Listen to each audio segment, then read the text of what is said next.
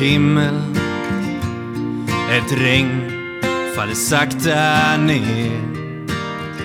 Det får mig att minnas en stad En stad jag lekte i som barn. Grågrå människor i svarta, så svarta kläder. Ja, hej och välkomna till Beroendepodden. Mitt namn är Anneli. Eh, välkommen till er som lyssnar för första gången och välkommen tillbaka till er andra. Eh, mm, som jag brukar säga, tack så jättemycket att ni lyssnar och för alla fina mejl och kommentarer och jag ser när jag lägger upp ett inlägg hur, eh, vad ni skriver och, eh, och det känns väldigt bra med tanke på att när jag startade den här podden var jag livrädd. Det var verkligen så. Det var en killkompis som sa så här, för jag, jag har varit rätt så öppen med min egen historia. Jag lever ju som nykter alkoholist sedan snart nio år tillbaka. Jag är en beroende människa men min huvuddrog är alkohol. Och så har jag en annan podcast som heter Svimran-podden. Och så var det en killkompis som sa så här, men du Anneli, du som är så öppen med din historia. Borde inte du starta en podcast som heter Beroendepodden? Och jag bara, nej men gud, du är ju helt galen. Det är klart jag inte kan göra det. Det förstår ju vem som helst. Eh, så här, vem är lilla jag som kan starta en podcast som heter något sånt och berör det ämnet. Plus livrädd för vad andra skulle tycka och tänka, självklart. Eh, och då har jag ändå jobbat med min självkänsla de sista nio åren väldigt mycket. Men eh, ibland så får man en släng av osäkerhet till och från. Men sen så tänkte jag ändå så här att jag, jag brinner ju för att hjälpa andra människor. Det har jag gjort i hela mitt liv och framförallt sen jag blev nykter så vill jag ju liksom hjälpa andra människor och gärna andra människor som har just eh, psykisk ohälsa, missbruk, medberoende. Eh, så. Och så jag tänkte liksom att ja, tusen, kan, varför inte? Kan jag hjälpa en människa att få ett bättre liv så är det värt det. Och eh, efter alla mejl jag har fått och de jag har sprungit på på stan eh, så har jag förstått att det hjälper mer än en, den här podden. Och då är det inte min historia som hjälper alla utan det är alla fina underbara människor som jag får ha med i podden som eh, är modiga, ärliga att öppna upp sig och berätta saker som de vissa aldrig trodde de skulle berätta. Och, och det är så otroligt fint och vackert och osjälviskt att göra det när, för att man vet att min historia kan hjälpa andra. Uh, ja, nu blev jag helt rörd. Här sitter jag helt själv med min podcast och så blir jag helt rörd. Uh, jag ska snart släppa in dagens gäst. Men innan dess så vill man stötta podden så kan man göra det på olika sätt. Man kan gå in på hemsidan där det står hur man kan stötta podden. Eh, det behövs. Eh, man kan även anmäla sig till Flatenloppet som är ett löplopp som är 5,8 kilometer runt Flatensjön eh, 16 september och det är ett löplopp men man behöver absolut inte springa. Man kan gå runt eller så kan man komma och vara funktionär om man känner för det. Och det är en supermysig dag. Vi minglar och man vinner saker på nummerlapparna så alla har möjlighet att vinna. Eh, och ja, vad ska jag mer säga? Man kan eh, höra av sig till mig om man vill något. Beroendepodden hotmail.com eller så finns också all infor, information på hemsidan beroendepodden.com. Där finns även en flik som heter Hjälp att få med lite olika länkar vart man kan vända sig om man har eh, något beroende eller medberoende och så känner att man behöver stöd. Eh, ja, vill man veta vem jag är lite mer så kan man lyssna på avsnitt 1. Annars tänker jag att vi ska släppa in dagens gäst.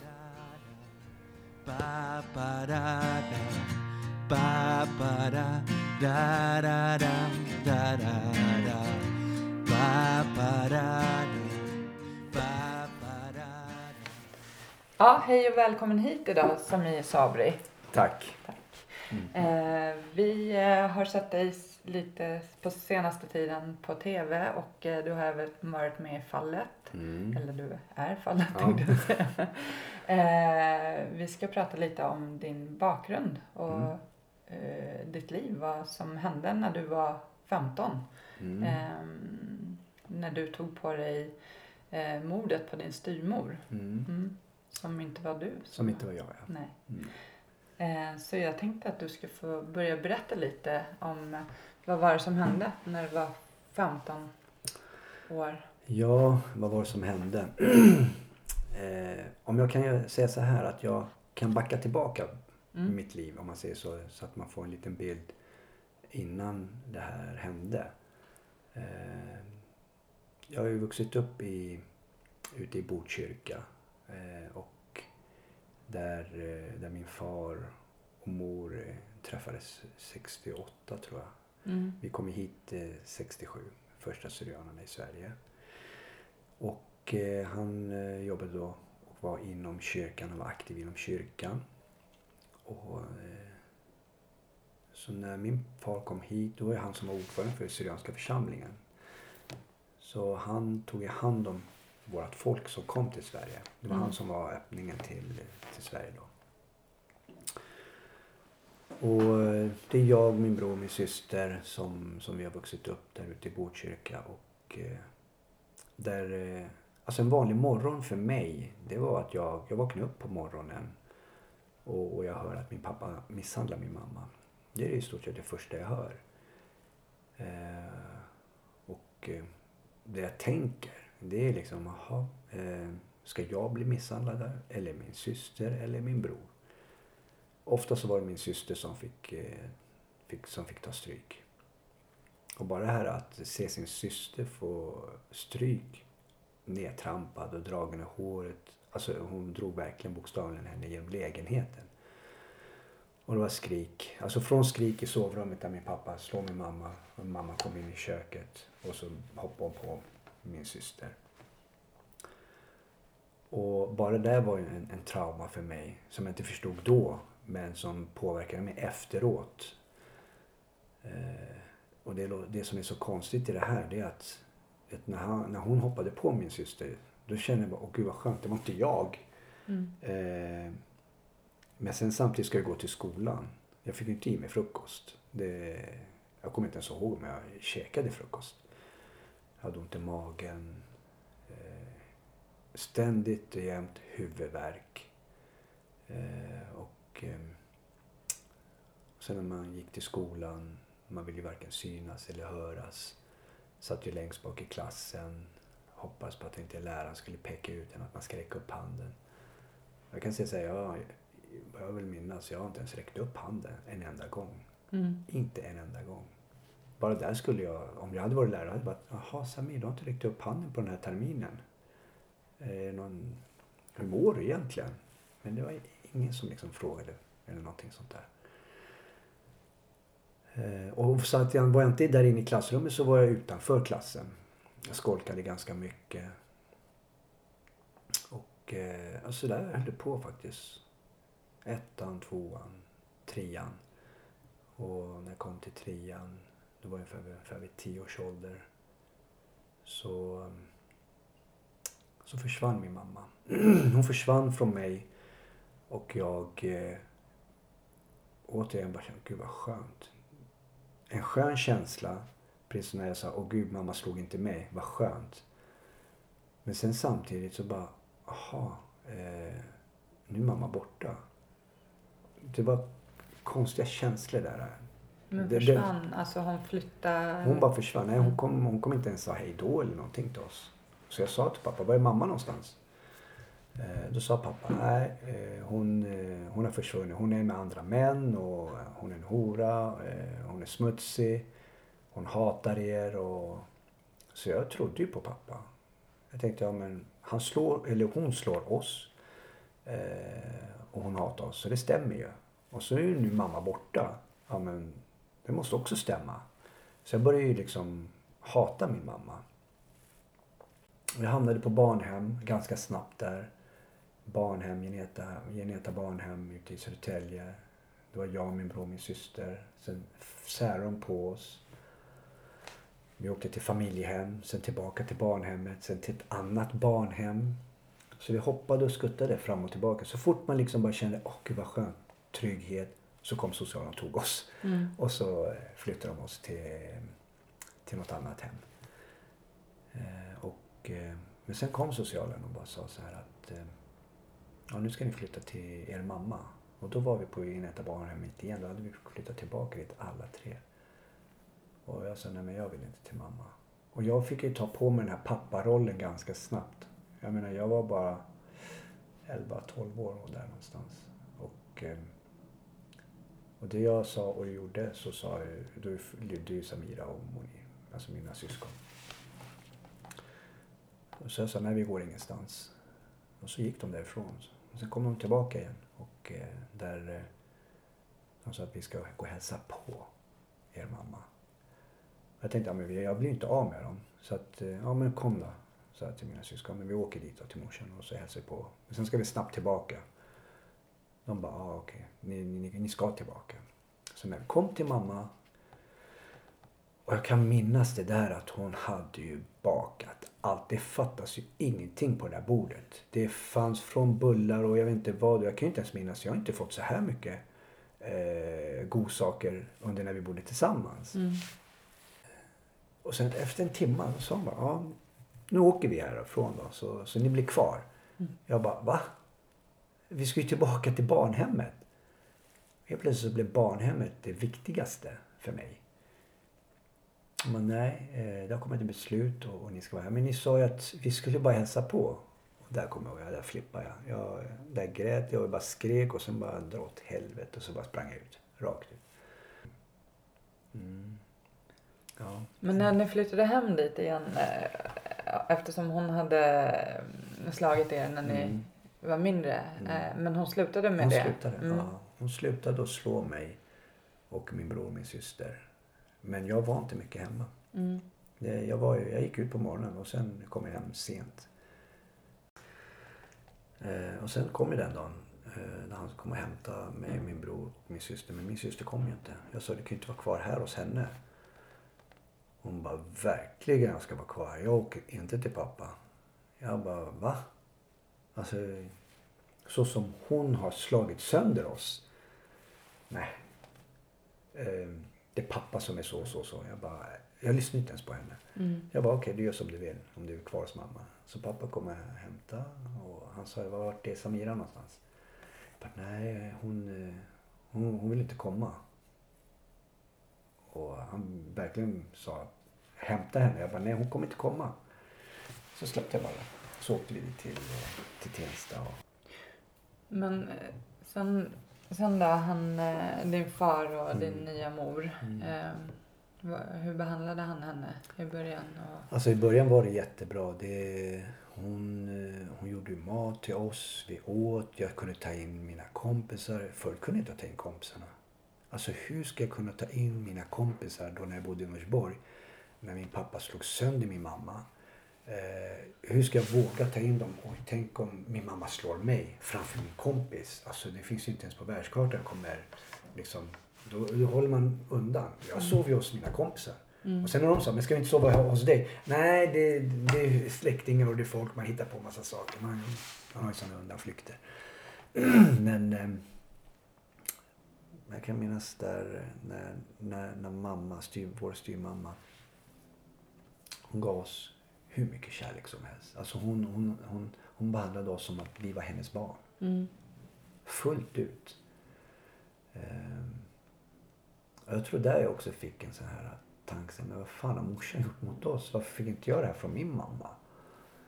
Och, och jag kan minnas att nå- när min pappa sen började misshandla min styvmamma. Och jag bara, åh nej, inte nu igen. Så han slog ju sönder henne. Alltså jag ser när han bara sparkar på henne, trampar på henne, slår henne, eh, drar henne i håret, trycker ner henne i hörnet och bara, nej det... Och jag vill minnas, ja, alltså jag hör ju när han säger, ah du, du tittar, du tittar på Samirs kompisar och du är, du är sugen på dem på något. Alltså någonting sånt där. Som att hon har haft tanken, eh, alltså Mm herregud, det har ju inte ens funnits någonting. Men jag, men jag förstod inte det där med hur farsan, att han har varit riktigt sjuk och, och allt det där. Men, men jag hör ju det där.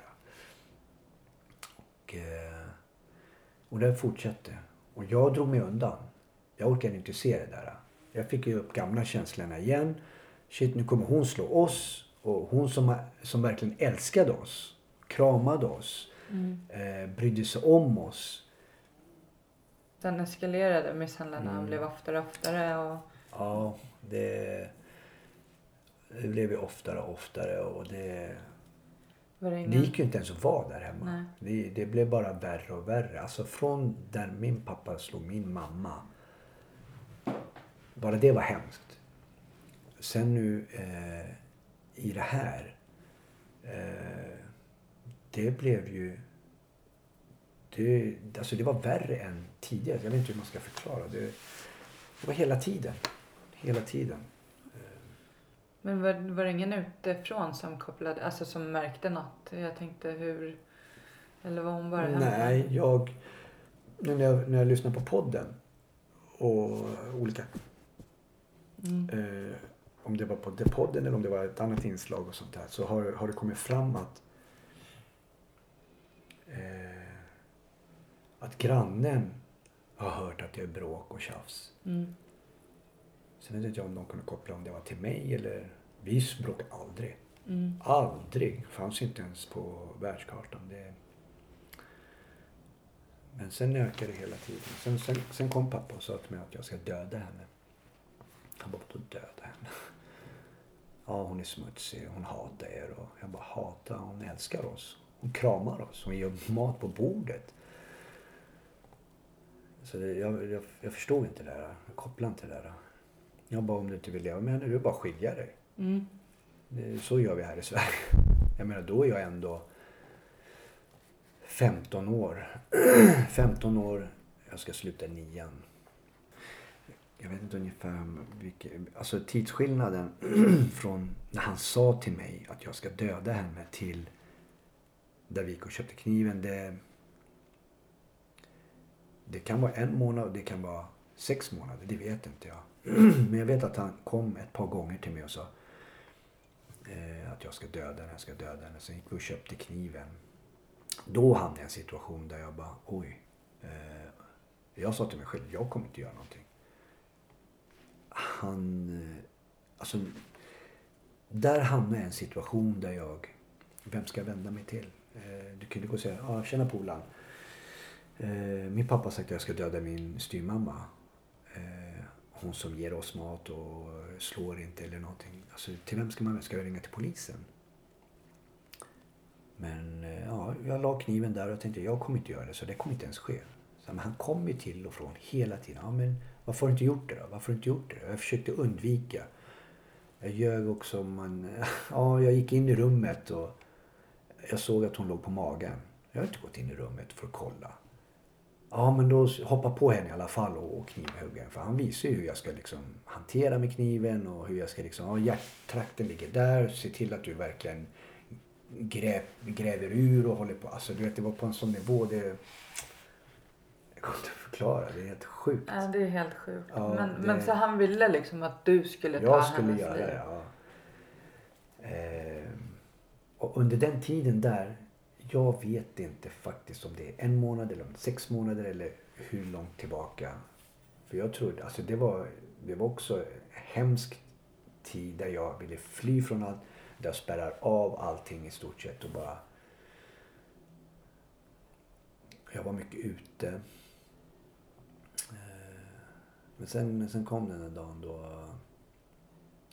eh, där min bror väckte mig. Och, jag, jag, hör, jag hör skrik.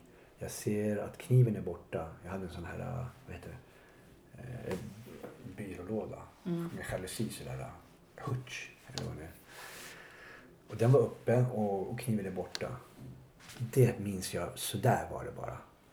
Och så bara rusar upp och, bara, och min bror gråter och jag bara springer in, in till sovrummet och, och där ser jag att han sitter på henne och han knivhugger gång på gång. Jag ser ingen kniv. Utan jag, jag hör så här, typ, jag vet inte varför men någonstans så hör jag typ dunk, dunk, dunk. Och slag, hur man, liksom, hur man träffar. Eh, förmodligen så var det när han träffar bröstet hela tiden liksom. Och hon skriker, hon skriker och hon... Hjälp mig Samir. Sen bara reser han sig på Och jag ser att han är helt blodig. Med... Och så går han av sängen och så går han in, in, i, in i duschen. Och sen hör jag faktiskt henne. Jag hör hur hon dör sakta. Jag hör hur hon gur, gurglar sådär. Eh, och jag, och jag håller i min bror. Och då, när han går in i duschen tänker jag nu ska jag ut härifrån. Jag måste bara ut härifrån. Och eh, jag, eh, jag kan inte röra mig. Jag står helt förstenad där. Och jag hör duschvattnet. Och jag bara tänker, varför kan jag inte röra mig? Jag måste ut härifrån. Och sen kommer pappa tillbaka. Eh, och då har jag stått kvar där. Jag har stått kvar där och han kommer in till mig där. Och det jag minns är att han säger att, eh, att, eh, att, jag, att jag ska ta på mig det här mordet. Om inte jag gör det så kommer han döda mig och min bror. För sen försvann pappa. Pappa tog min brorsa och så gick de. Och det, under tiden så tänkte jag, men hur ska jag ta mig härifrån? Jag måste ta Monir. Min bror, min bror, min bror. Det enda jag har i mitt huvud att jag måste göra det här annars kommer han döda min bror. Alltså det är det enda som jag hade i huvudet. Jag ser mordet och så där kommer han göra med min bror. Så jag, jag tar de blodiga kläderna. Jag slänger dem in i en påse. Jag vill minnas att jag gick runt och kollade så där också. Eh, gick ut från lägenheten. Jag möter upp en tjejkompis och jag hoppas på att inte hon ska se mig. Så jag, ja, jag går, slänger kläderna och kommer tillbaka. Och liksom bara okej nu är allting bra, nu är allting bra. Precis som man har gjort det här tio gånger. Det är helt sjukt. Jag... Eh, så jag kontrollerade liksom. Är allting, är allting liksom... Eh, jag har gjort någonting fel. Nej, nu, nu, nu kan allting liksom rikta sig mot... Ja, jag, jag tog en rakblad. Jag tog ett rakblad för jag såg att det blödde från farsan. Då tog jag ett rakblad och så skar jag upp min hand med rakbladet. Eh, och eh, sen skulle jag lägga fingrarna på, på kniven också. Så jag gick runt och letade efter kniven. Och jag vet att jag, jag, jag, jag stängde ju dörren. Låste dörren. Varför låste jag det vet jag inte. Men jag vet att jag låste dörren av rädsla och allting. Um, och tänkte, oh shit, jag måste in där. Tänk om kniven ligger där inne. Så jag öppnar dörren, jag går in. Och så ser jag att kniven är instucken i henne. Och där kände jag bara, åh nej. Där böjer mig ner. Jag går ner på knäna, jag böjer mig ner. Och sen tog jag handen på kniven och, eh, och drog ut den från henne. Det hände någonting där. Där tror jag dog själsligt. Jag förstod inte där. Det är efteråt som jag förstod. Det hände någonting där. Det har jag minne av så, så starkt än idag. Där jag kan liksom känna.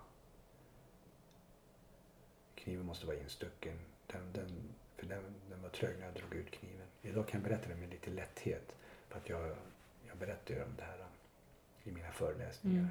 Det beror på om det är tioåringar, då berättar jag inte så pass djupt. Men eh, jag sätter fingeravtrycken och, och jag tvättar kniven, bladet och sen lägger jag den där. Går in och lägger den och går ut och så låser jag igen. Sen sätter jag mig på en telefon, hutch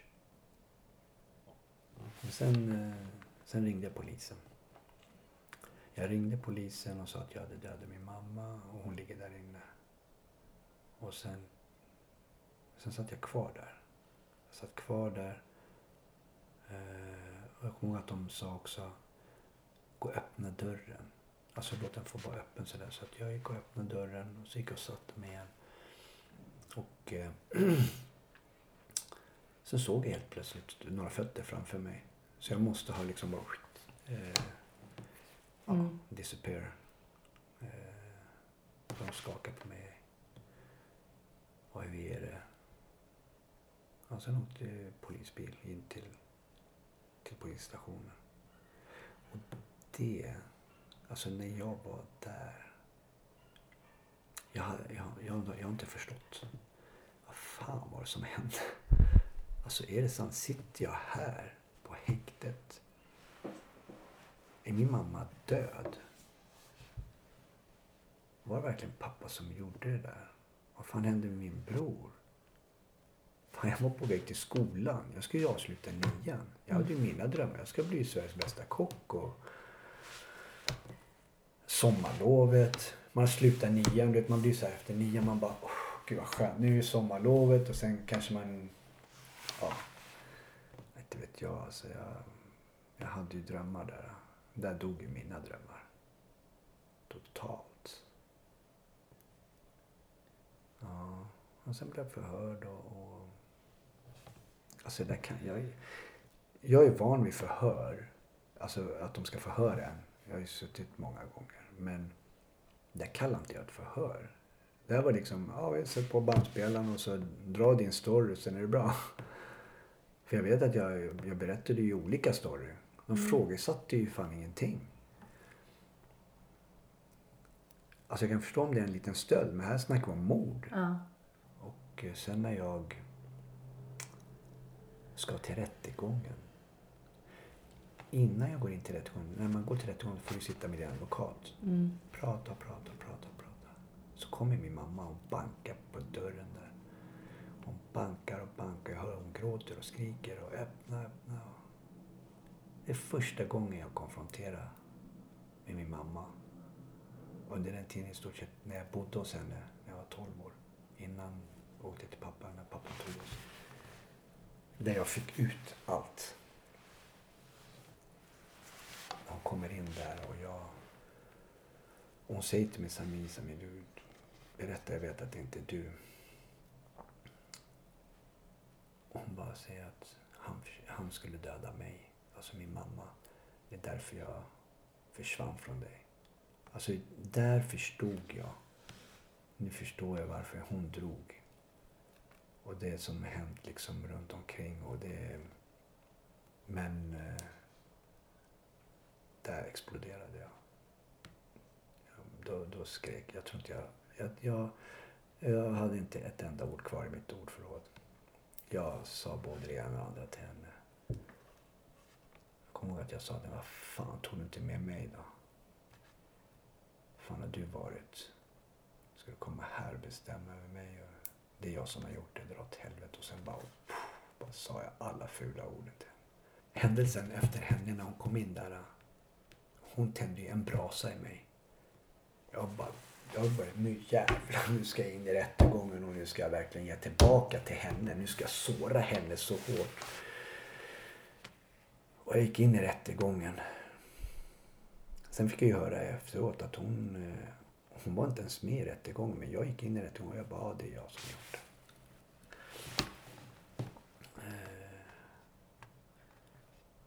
Vad var anledningen, eller vad sa du var anledningen till att du gjorde det då? Alltså, Eh, Jag hade, jag hade flera olika förklaringar. Jag sa att jag hade en, en djävul på ena sidan äng, och sen en ängel på den andra sidan. Ena sa döda henne, den andra sa döda inte. Den andra sa döda henne, den andra sa Mm. döda. Ehm, Den var en. Den andra var att jag sa att jag hade, jag hade en kross.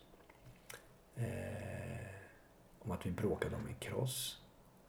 Eh, helt patetiskt. Alltså vadå, ska jag döda min mamma för att inte jag fick eh, ta in krossen? Mm. Så att jag hade olika historier. Jag blev dömd. Ja, jag blev dömd till rättspsykiatriska kliniken. Kommer till Älvsjö. Kommer dit och jag bara känner så här. Oh, Okej, nu har jag gjort mitt. Nu ska det ta slut. Men han kom ju dit. Kommer han dit och vecka på vecka på vecka. Och jag berättar att jag, eh, att jag är på, för, inte förhör, psykolog. Mm. Att jag hade psykolog och nu efteråt så eh, förstår jag ännu mer varför han kom dit varje vecka. Han ville ha, polisen kom ju dit och de förhörde min bror. Så var det. Nu när jag tänker efter. Jag, nu går jag, jag tänker tillbaka. De förhör min bror men de förhörde aldrig min pappa. Så jag berättade till polisen. Det är inte jag. Det är min pappa som har gjort det. Och eh, när jag gick igenom förhören nu eh, så, så har de inte ens gått och förhört min pappa. Konstigt. Mm. Jag fick reda på att de har inte ens tagit grejerna och kört dem tillbaka. Eller de har inte ens lämnat in dem till SKL. Alltså det är ingen cykelstöld vi pratar om här. Eh, och, och de har inte ens tagit de grejerna till SKL första gången. Och då tycker man ju, ah, okej nu andra gången och när de ändå har lyft ur utredningen, då ska man ju verkligen, de måste ju ha en sån här manual. Mm. Mord, ja då ska du göra det här och det här och det här och det här och det här. Och här. Eh, Men eh, nej, inte ens det. Men jag tänker om de förhörde de, din bror och så. Och han måste ju också då ha ljugit och han sagt sin nekar. historia. Ja, ja, han nekar ju. Ja. Han nekar ju. Förnekade allt. Mm. Eller förneka. Han Alltså- berättar sin historia. Ja. Ja, han berättar ju sin historia. Och, Och stämde den överens med din? Ja, men han berättade ju att han gick ut en viss tid. Okej, så han hade inte ens sett något? Eller? Nej, nej, nej. Nej. Han har ju berättat eh, att eh, han har gått ut. Mm. Ja, det, det, det är märkligt. märkligt hur, alltså bara hur de har skött allt det här. Mm. Eh, det som är det sorgliga i det här det är att de kunde ha löst mordet då. Mm. När du erkände? Eller att, när jag det berättade sanningen. Ja, Ja. Där kunde de ha löst det. Ja. Men inte ens då så gjorde de. Och tänker man så här, åh, de kunde ha löst det. Jag behövde inte ha gått igenom allt det här. Eh, det, men nu, men jag ser det här. Jag hade ju inte varit den personen den jag är idag om inte jag har gått igenom det här livet som jag, som jag har levt. Hur, hur länge fick du sitta? Ja, Hur gammal var du när du kom ut? Cirka, jag tror jag satt mellan ett och ett halvt, två år satt jag för Mm. Och vad händer med livet när man kommer ut? Ja, du tror med du, ja, du, du, du tror ju inte på någon längre. Nej. Eh, Det första jag tänkte där, det var ju att jag, jag, vill, jag ville inte leva. Eh, Vi hade ingen tro på någonting. Jag hade inte ens tro på mig själv. Vad fan gör jag här? Läkaren sa att jag skulle få hjälp. Mm. Är det här hjälpen? Socialen tog mig och placerade mig tillbaka till pappa. Alltså nu svek de mig igen. Och jag säger till socialen, i helvete fattar ni inte? Det är min pappa som har gjort det här. Och hon säger, ja men det, det står ju i pappen att du, det, du är fortfarande dömd för det här. Och då slog jag sönder socialkontoret. Jag rörde ju aldrig henne. Och så bara gick jag ut. Och bara, nu skiter jag i det här. Och, och så gjorde jag, började med brott och jag struntade i allt. Alltså, det fanns ju ingenting att leva för i stort sett. Jag kommer ihåg att vi gjorde inbrott. Tog, eh, tog ett kassaskåp. Alltså det eskalerade ganska snabbt. Det var ju inte liksom man skulle börja med det ena och det andra. Och det, ska ta, det är en period tills du... Utan jag tog hela paketet och jag tryckte på snabbspolning där. Jag sa till mig själv jag kanske inte ens blir 20-25. Utan jag, nu ska jag banne med. Och den som kommer i min väg den, den tar jag bort.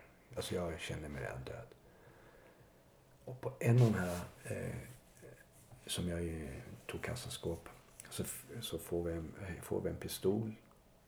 Så jag tar ju inte, vi delar upp pengarna och sen köpte jag ut pistolen från det här. Så jag fick mindre pengar och mer pistolen. Eh, och sen bara kände bara, ah, jag skiter i det här, jag orkar inte leva. Du kommer till en viss punkt i ditt liv där du bara, är det så här jag ska fortsätta? Eh, hur, hur ska jag leva? Eh, fan, läkaren sa att jag skulle få hjälp. Eh, men eh, ja, då skulle jag, jag ska skjuta mig själv. Så jag satte pickan mot huvudet och, och skulle trycka av. Där jag samma sekund eh, så tänker jag på min bror. Jag bara, men om jag skjuter mig själv då kommer ju han också skjuta. Han mår ju också skitdålig. Och så kom det här eh, ansvarskänslan. Och så sköt jag i luften. Sköt i luften och bara mot väggen, och, ja, mot allt. Jag tömde magasinet. Jag tror jag laddade om den också. Sen körde jag loss en gång till. Och jag körde omkring med min bil. Jag kan inte ha varit mer än 19 kanske. 18, 19. Så jag... Eh, så polisen kom och hämtade mig dagen efter. De har ju tagit mitt regnummer och eh, jag har ju levt cowboy där och kört loss. Polisen tog in mig. Jag berättade sanningen till dem. Att det inte är jag som har dödat henne, det är min pappa. Ja, men du sitter inte för någon mord här nu. Du sitter nu för att du har, allmän fara eller någonting. Att jag har skjutit och... Jag bara, ja, jag, jag känner det. Jag förnekar inte det. Och innan jag sköt så skulle jag skjuta mig själv. Så jag ville ta självmord. Eh, de körde mig tillbaka till samma läkare som har, som har sjukskrivit mig att jag är schizofreni och bla bla bla. Jag vet inte vad som stod där på det där pappret. Mm. Sen när jag kommer till han. Eh, då säger jag till han. Snälla kan du hjälpa mig? Jag berättar sanningen. Det är inte jag. Det är min pappa. Eh, Läkarna där de, de, de säger så, så, så. Snälla hjälp mig. Eh, och då säger han till mig. Alltså vi sitter ju och pratar. Jag vet inte exakt, exakt. Men han, han säger till mig att om ska du ta hit din pappa så du får kon- konfrontera det här det du säger. Jag blir helt sjuk i huvudet. Det kan ju inte göra för han går ju, då går, kommer han döda min bror. Om det här kommer fram. Men lova mig att, liksom, att, du, att du låser in han. Då, kan jag, då vågar jag konfrontera. Då kan jag säga sanningen. Mm. Aha, men så funkar det inte. Jag bara, ja, men kör mig då till häktet. Jag är inte sjuk. Jag är frisk. Sen vet jag att jag var så att han måste ha blivit arg där. Så jag åkte tillbaka till häktet. Och jag hade suttit fyra eller fem månader i häktet. Och då, de dömde mig till fem månader. Till fängelse. Och eftersom jag hade suttit av den, jag satt ju heltid, alltså hela straffet, du ska ju sitta två tredjedelar egentligen. Mm. Så släppte de ut mig. Och där sa jag, nu blev jag helt galen. Nu jävlar ska jag slå tillbaka mot samhället. Det... Jag tror man... Eh, jag tror när man kommer till en viss punkt i, i, i sitt liv. Jag tror man, kom, man kommer till många punkter i sitt liv. Men just en av de här punkterna där man bara... Nu jävlar. Alltså, på ett sätt det var skönt. Eh, bara den känslan där, eh, jag, att jag bara liksom, nu, ska jag verkligen, jag har inga gränser, jag har ingenting som kan hålla mig tillbaka. Och jag vet att jag kommer dö på kuppen. Jag var redan död inombords. Själsligt, känslomässigt fanns inga känslor alls. Och det jag sa tänkte det var alltså rån, rån, jag gick och rånade direkt. Pengar, pengar, pengar, pengar, pengar, pengar ska göra mig lycklig. Mm. Och det är som vi går och tänker, ja, bara jag får en miljon vet du, då kommer jag bli lycklig. Ja, bullshit, det är bara lögn. Visst, pengar kan vara till, till hjälp till en viss del. Du blir inte lyckligare. Det, är- det är själen här inombords som, om du inte, om du inte mår bra här inombords, du, du kan ha hur många miljoner som helst, spelar ingen roll. Men jag fick ju det där liksom, ja men jag fick en miljon. Ja, så fick jag den där miljonen. Jag blev väl lycklig i tre och en halv sekund. Ett par minuter. Sen var lyckan borta. Det fanns ju ingen lycka. Det var bara ett lyckorus. Mm. Och... eh, Ja, men om jag, om, om, jag, om jag gör en kupp på fem miljoner. Då kommer jag bli lycklig. För då kan jag köpa en bil och hus och... Ja, åka jorden runt 28 gånger. Ja, jag gjorde... Begå, begick ju brott. Jag gjorde kupp på fem, sju miljoner. Inte fan blev jag lycklig för det. Och så eskalerar det hela tiden. Fortsätter. Ah, men om jag gör en kupp på 10, då, då kommer jag bli lycklig. Det gick inte. Om jag gör en kupp på 30, 40, 50 mille, då kommer jag bli lycklig. Jag gjorde sådana kupper. Inte fan blev jag lycklig för det. Mer droger, mer problem, längre bort från familjen. Och så här fortsatte det. År ut och år in, år ut och år in. Och sen åkte jag in. Mm. Och jag åkte inte in för... Jag åkte in för ett bankrån. Men det var 89.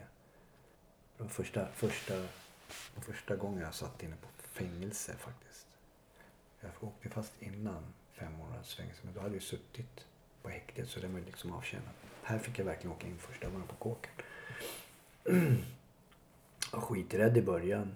Eh, var jag och min vän som, som åkte tillsammans. Vi sa liksom vi måste hålla varandras ryggar och, och komma upp dit till, till fängelse och långt från Stockholm. Från sin trygghetszon och allt det där.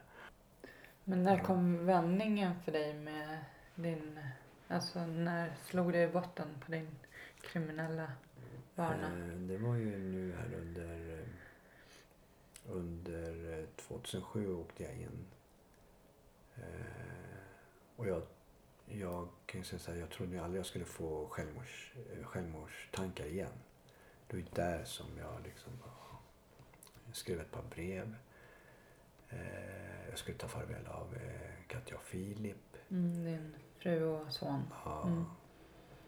Och eh, det var när jag såg Filip där, jag bara... Fan, det där är ju jag. Mm. När jag var tio år, och han var tio år också. Antingen nio eller tio år var han där. Jag bara, fan det där är ju jag ju. Och jag, fan är jag som ska liksom ta bort hans far?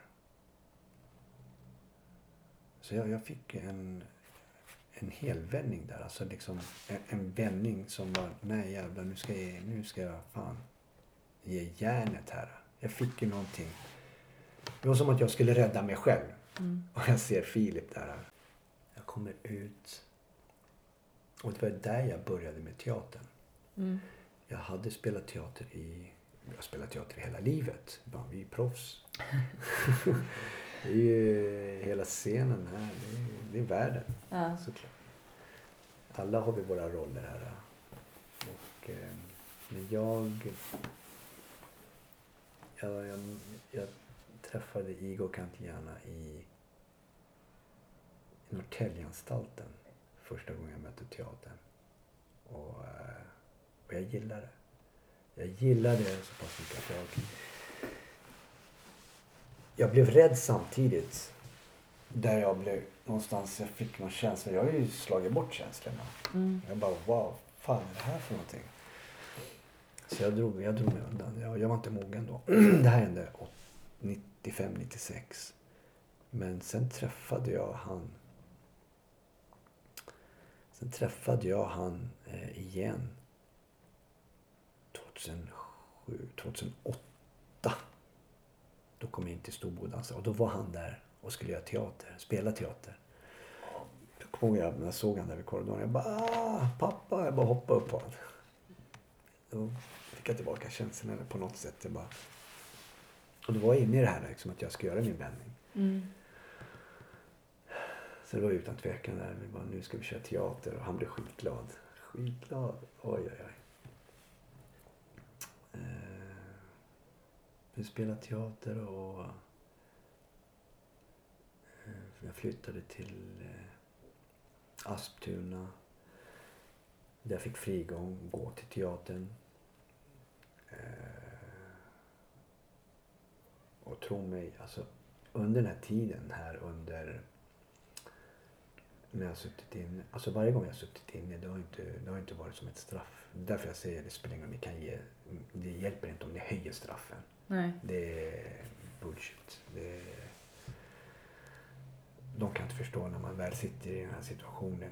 Vare sig min situation eller andra situationer. Mm. När du sitter inne på fängelse. Det, det vi sitter och andas. Vi Ja.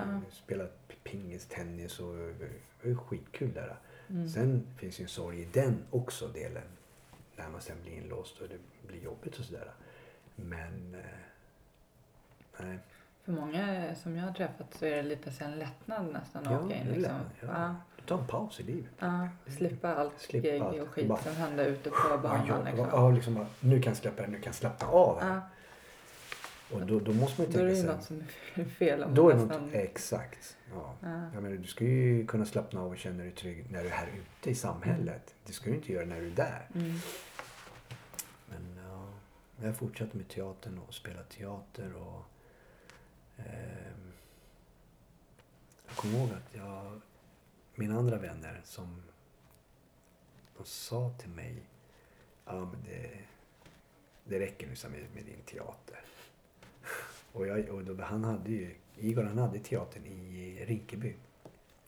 Så grabbarna från Rinkeby där, de bara, ah, ja, teater, teater, det är lugnt. När han muckar så är det klart. Ja, så muckade jag. Jag fortsatte. Men Igor tog det. Han såg liksom hur påverkad jag eh, blev av allt det här. Det var skitjobbigt liksom. Att stå emot, stå emot, stå emot. Men jag tänker, uff, jag älskar när det blir så här ah, jobbigt och, eh, och så han, han, han flyttade hela verksamheten till Fryshuset. Han bara, om jag kan rädda en. Mm. Så eh, Men så teatern var hjälpande att förändra livet? ja. Ja. teater var en del i det hela. Det var... Det är ju att du ska ju förmedla. Du ska uttrycka dig saker och ting till publiken. Mm. Ja, då måste du vara connectad någonstans med dig själv. Hur ska du annars ge en känsla där? Och Där blev jag, där blev jag ju connectad. Det är häftigt. Wow. Mm. Men, Ja. men sen tänker jag på... Eh, för du har ju friats nu. Mm. Nu har jag friats. Ja. Nu är Ja. jag fri. Ja, det är så... Efter 30 år Ja, tog det. Efter 30 år. Ja. Just jag hos advokaten. Eh, han, han sa, men, ja, men nu ska jag hitta något, hitta något tillfälle eller något sånt där, sa han. Jag bara, och sen ringde han mig och kom och sa, nu ska vi gå och träffa en, en journalist här. Och så satte vi oss ner och träffade han. Och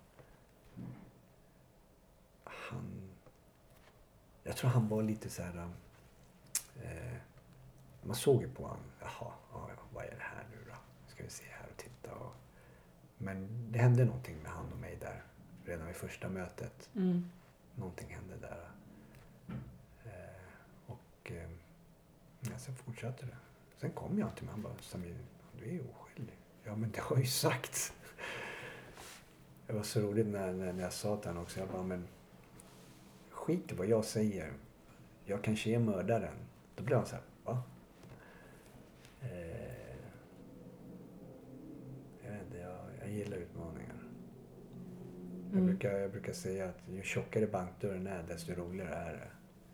Det är min drivkraft där, liksom, när det är motgångar och eh, uppförsbackar och jag ska ta mig över de här bergen utan syrgas. Mm. Jag känner mig levande. Men, eh, ja. Men det... Hur är känslan när man efter så många år får bli fri? Frikänd? Ja. Ja, alltså det är ju obes- obeskrivligt. Jag kan inte förklara exakt. Alltså det är, jag exploderade inombords. För det första så tog lång tid att landa i det här. Det, jag kan säga att när jag satt inne på häktet sista gången jag åkte in.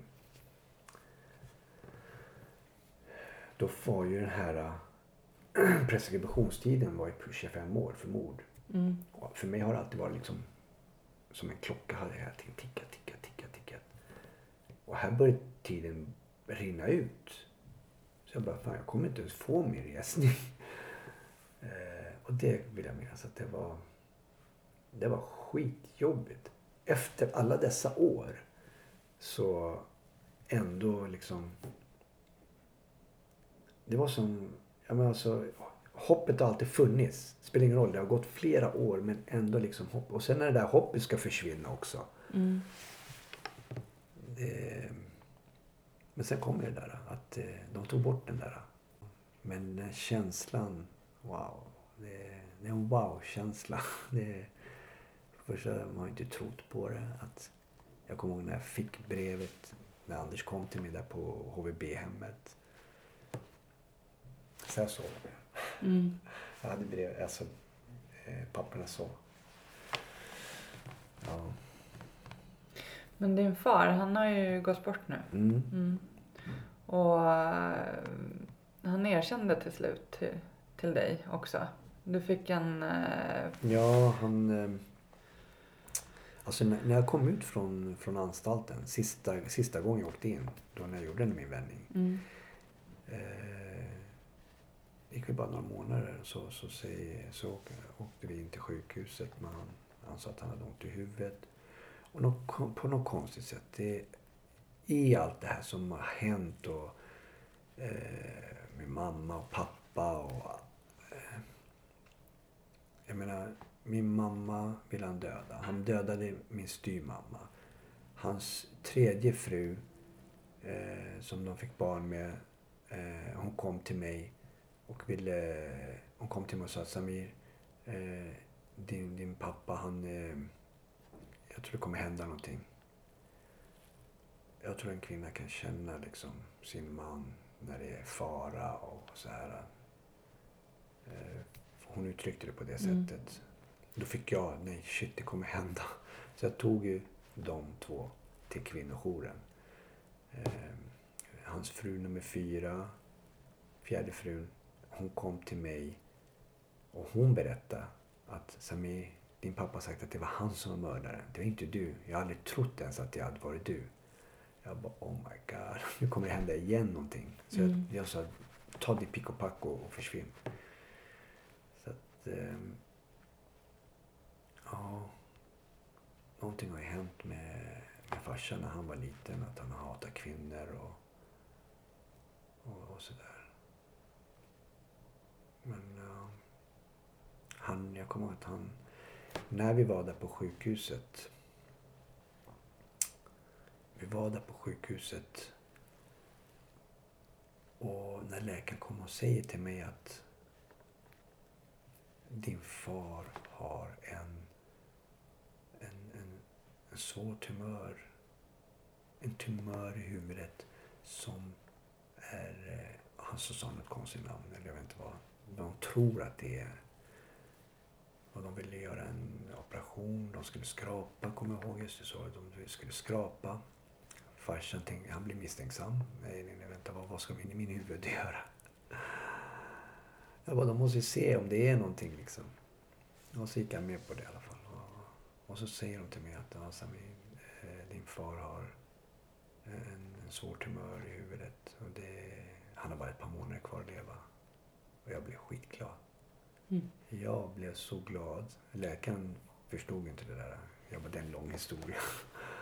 Så jag kommer ihåg när jag gick. Jag gick till farsan Häststegen. Till min pappa. Till det där rummet. Jag bara, nu ska jag säga det.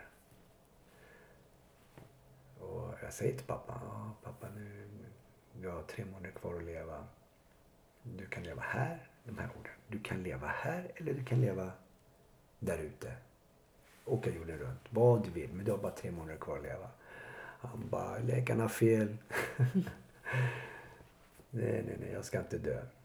Jag är gjord av hadid. Jag kommer ihåg han sa, jag är gjord av hadid. Hadid betyder, jag är gjord av järn. Mm. Så jag bara, ja. Eh, jag tror aldrig varit så lycklig när jag gick därifrån. Oj, oj, oj. Jag åkte hem. Jag bara satt och tänkte, okej, nu ska jag, när han dör, det är bara tre månader kvar, sen ska jag leva på riktigt. Och jag, jag verkligen planerar, jag ska pissa på hans grav, jag ska elda på hans grav, jag ska ta sönder gravstenen. Och eh, allt det här liksom, det som han har gjort mot mig. Och på något konstigt sätt, alltså hur vi barn är så lojala mot eh, våra föräldrar. Helt galet. Ja, men, eh, men jag... Eh, det hände någonting efter ett par dagar där och jag bara... Shit, vad fan är det som hände? Rädslan. Att, rädslan att min son... Tänk om han är arg på mig. Alltså, vad är det för skillnad på mig och min pappa egentligen? Jag menar, jag har sårat min son 111 gånger. Varje gång jag kommer ut från kåken, nu är pappa här och sen efter en vecka så är jag där ute igen och bara springer iväg. Eh, jag vet inte hur många gånger. Det min pappa gjorde mot mig, mm, det var fel. Det hände någonting när jag var 15 år. Men bara det här, vad, vad har min farsa blivit utsatt för? För att begå alla de här handlingarna. Jag blev utsatt när jag var 15 år. Men jag kan ju inte skylla på alla de här handlingarna. Att det är min pappas fel, det är min pappas fel, det är min pappas fel. Det är där jag kom till insikt. Alltså man, ja visst, det, det hände någonting när jag var 15. Det var fel, det min pappa gjorde. Men alla de andra händelserna, det är jag som har gjort dem. I min ren ilska och hat mot min pappa som inte jag vågar konfrontera som jag slog ut mot samhället.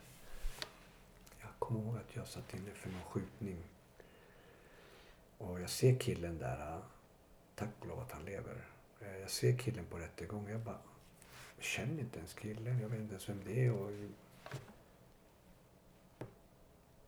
det är farsan jag är förbannad. Mm. Så att det, varje gång jag skjutit eller gjort någonting då, är det farsan jag har skjutit. Har jag slagit någon på käften så är det min farsa jag har slagit. Det är liksom blivit svart för mig. Det är därför jag ser liksom, det är så viktigt liksom att ta tag i sin ilska och hat och det, här, det som finns inombords. Annars kommer den förgöra dig inombords. Bara mer och mer och mer. Och till slut bara pff, exploderar du. Och det är där jag liksom tog tag i mig själv och började fråga mig själv, vem är jag egentligen? Hur många masker har jag? Är det inte dags att bara vara den du är? Istället för att gå omkring och vara någon annan. Det är ju... Ja. Men vad, hur har du jobbat med dig själv? Vad har du fått tagit för hjälp? Eh, för att jag Eh. tänker alla trauman och har du liksom... Tidigare så har jag tagit droger. Då har jag ju Ja. liksom förträngt allting. Eller inte förträngt, alltså liksom jag dövar smärtan. Ja. Och, eh, och för att liksom ta dig igenom det, det då, kan du, då måste du ju sluta ta droger. Mm. Du måste ju möta smärtan. Och det är där som liksom som har varit det jobbigaste. Det är där själva jobbet kommer med dig själv. Mm. Så jag har gråtit mycket. Och Det, fan, jag har inte gråtit på 20 år, över 20 år. Och bara liksom, oh vad skönt. Men det har varit, det har varit tufft. Det, det, det har inte varit lätt. Det, skulle det ha varit lätt så skulle ju alla göra det. Det är bara att titta på världen, hur världen ser ut. Mm. Det speglar sig ju. Många som är arga. Och, Mm. så att jag kom i kontakt med, med sorgbearbetning och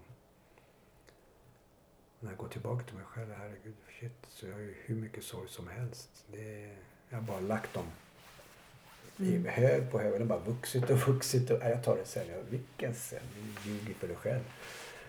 När jag dör eller? Men hur ser livet ut idag? Idag? Mm. Eh, idag eh, mår jag mycket, mycket bättre. Eh, jag kan skratta idag. Eh, jag, jag och hat. Den bara tjup, borta i stort sett. Eh, min pappa, han, eh, han eh, vi hade den här lilla konflikten mellan han och mig. Mm. Då, jag gick ju tillbaka till pappa och sa jag förlåter dig. Jag förlåter inte dig för, för det du har gjort. Utan man kan försonas på olika sätt. Eh, och jag bara, kan inte liksom, du har bara tre månader kvar. Kan inte du och jag vara far och son? Den här, jag har ju längtat efter den här far och son-relationen. Han bara, vänta nu ska du skylla på mig alla år du har suttit. Jag bara, nej. Jag har ju förstått nu. Jag har ju skyllt på dig hela jävla tiden. Nu ska jag sluta skylla på dig. Ja, jag har gjort bankrån. Jag vet inte hur många bankrån jag har gjort. Ja, det är jag som har gjort det. Det är inte du som har gjort det. Det är inte ditt fel. Men det här, det är ditt fel. Det är ditt ansvar. Det här mordet. Det är, jag har ingenting med det här att göra. Och han säger till mig att det jag gjorde, det var fel mot dig och din bror. Han erkände för mig att det han gjorde, det var fel.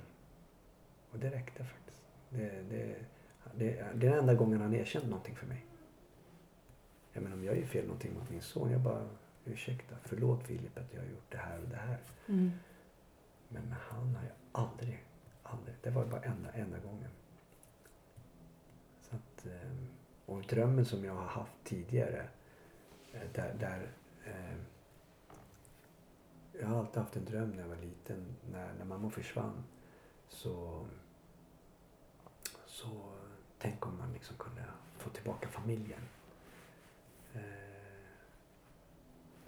och den, den fick jag. Vet, när, när, när pappa erkände och berättade liksom att det han gjorde var fel.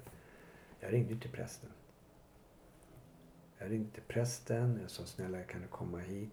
Pappa har inte mycket kvar att leva och han, han vill nog prata om något. Han vill nog berätta.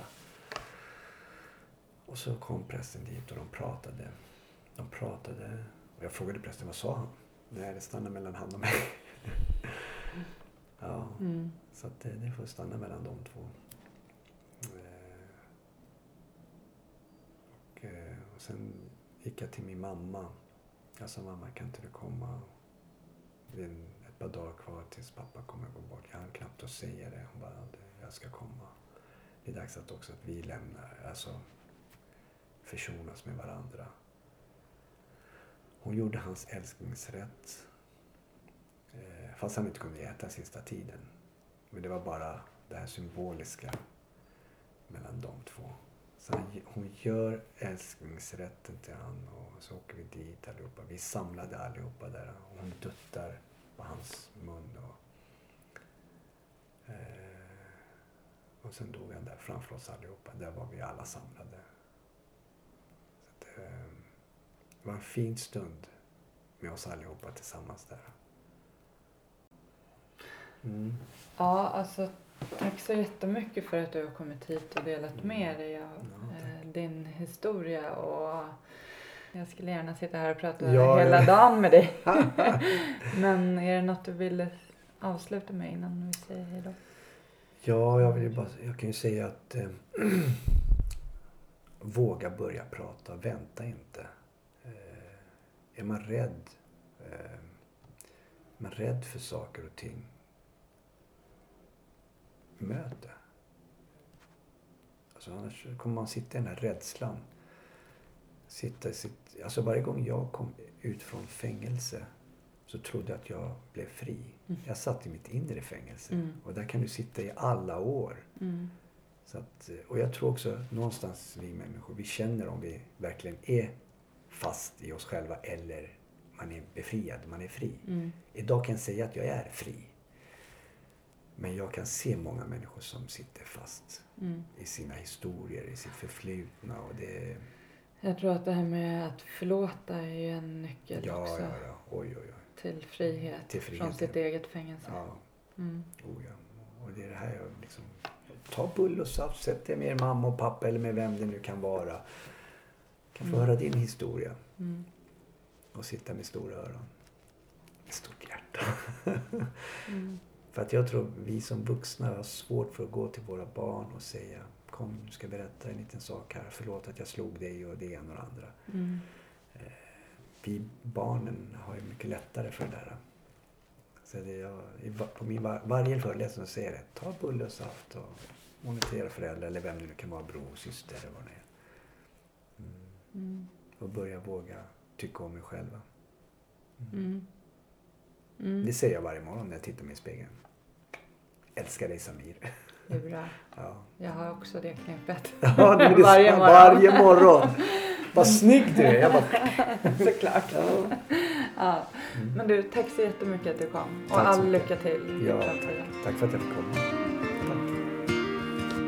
Mörk himmel Ett regn faller sakta ner Det får mig att minnas en stad En stad jag lekte i som barn Grågrå människor. I svarta, så svarta kläder. Men jag min sorglösa dag Ett vackert minne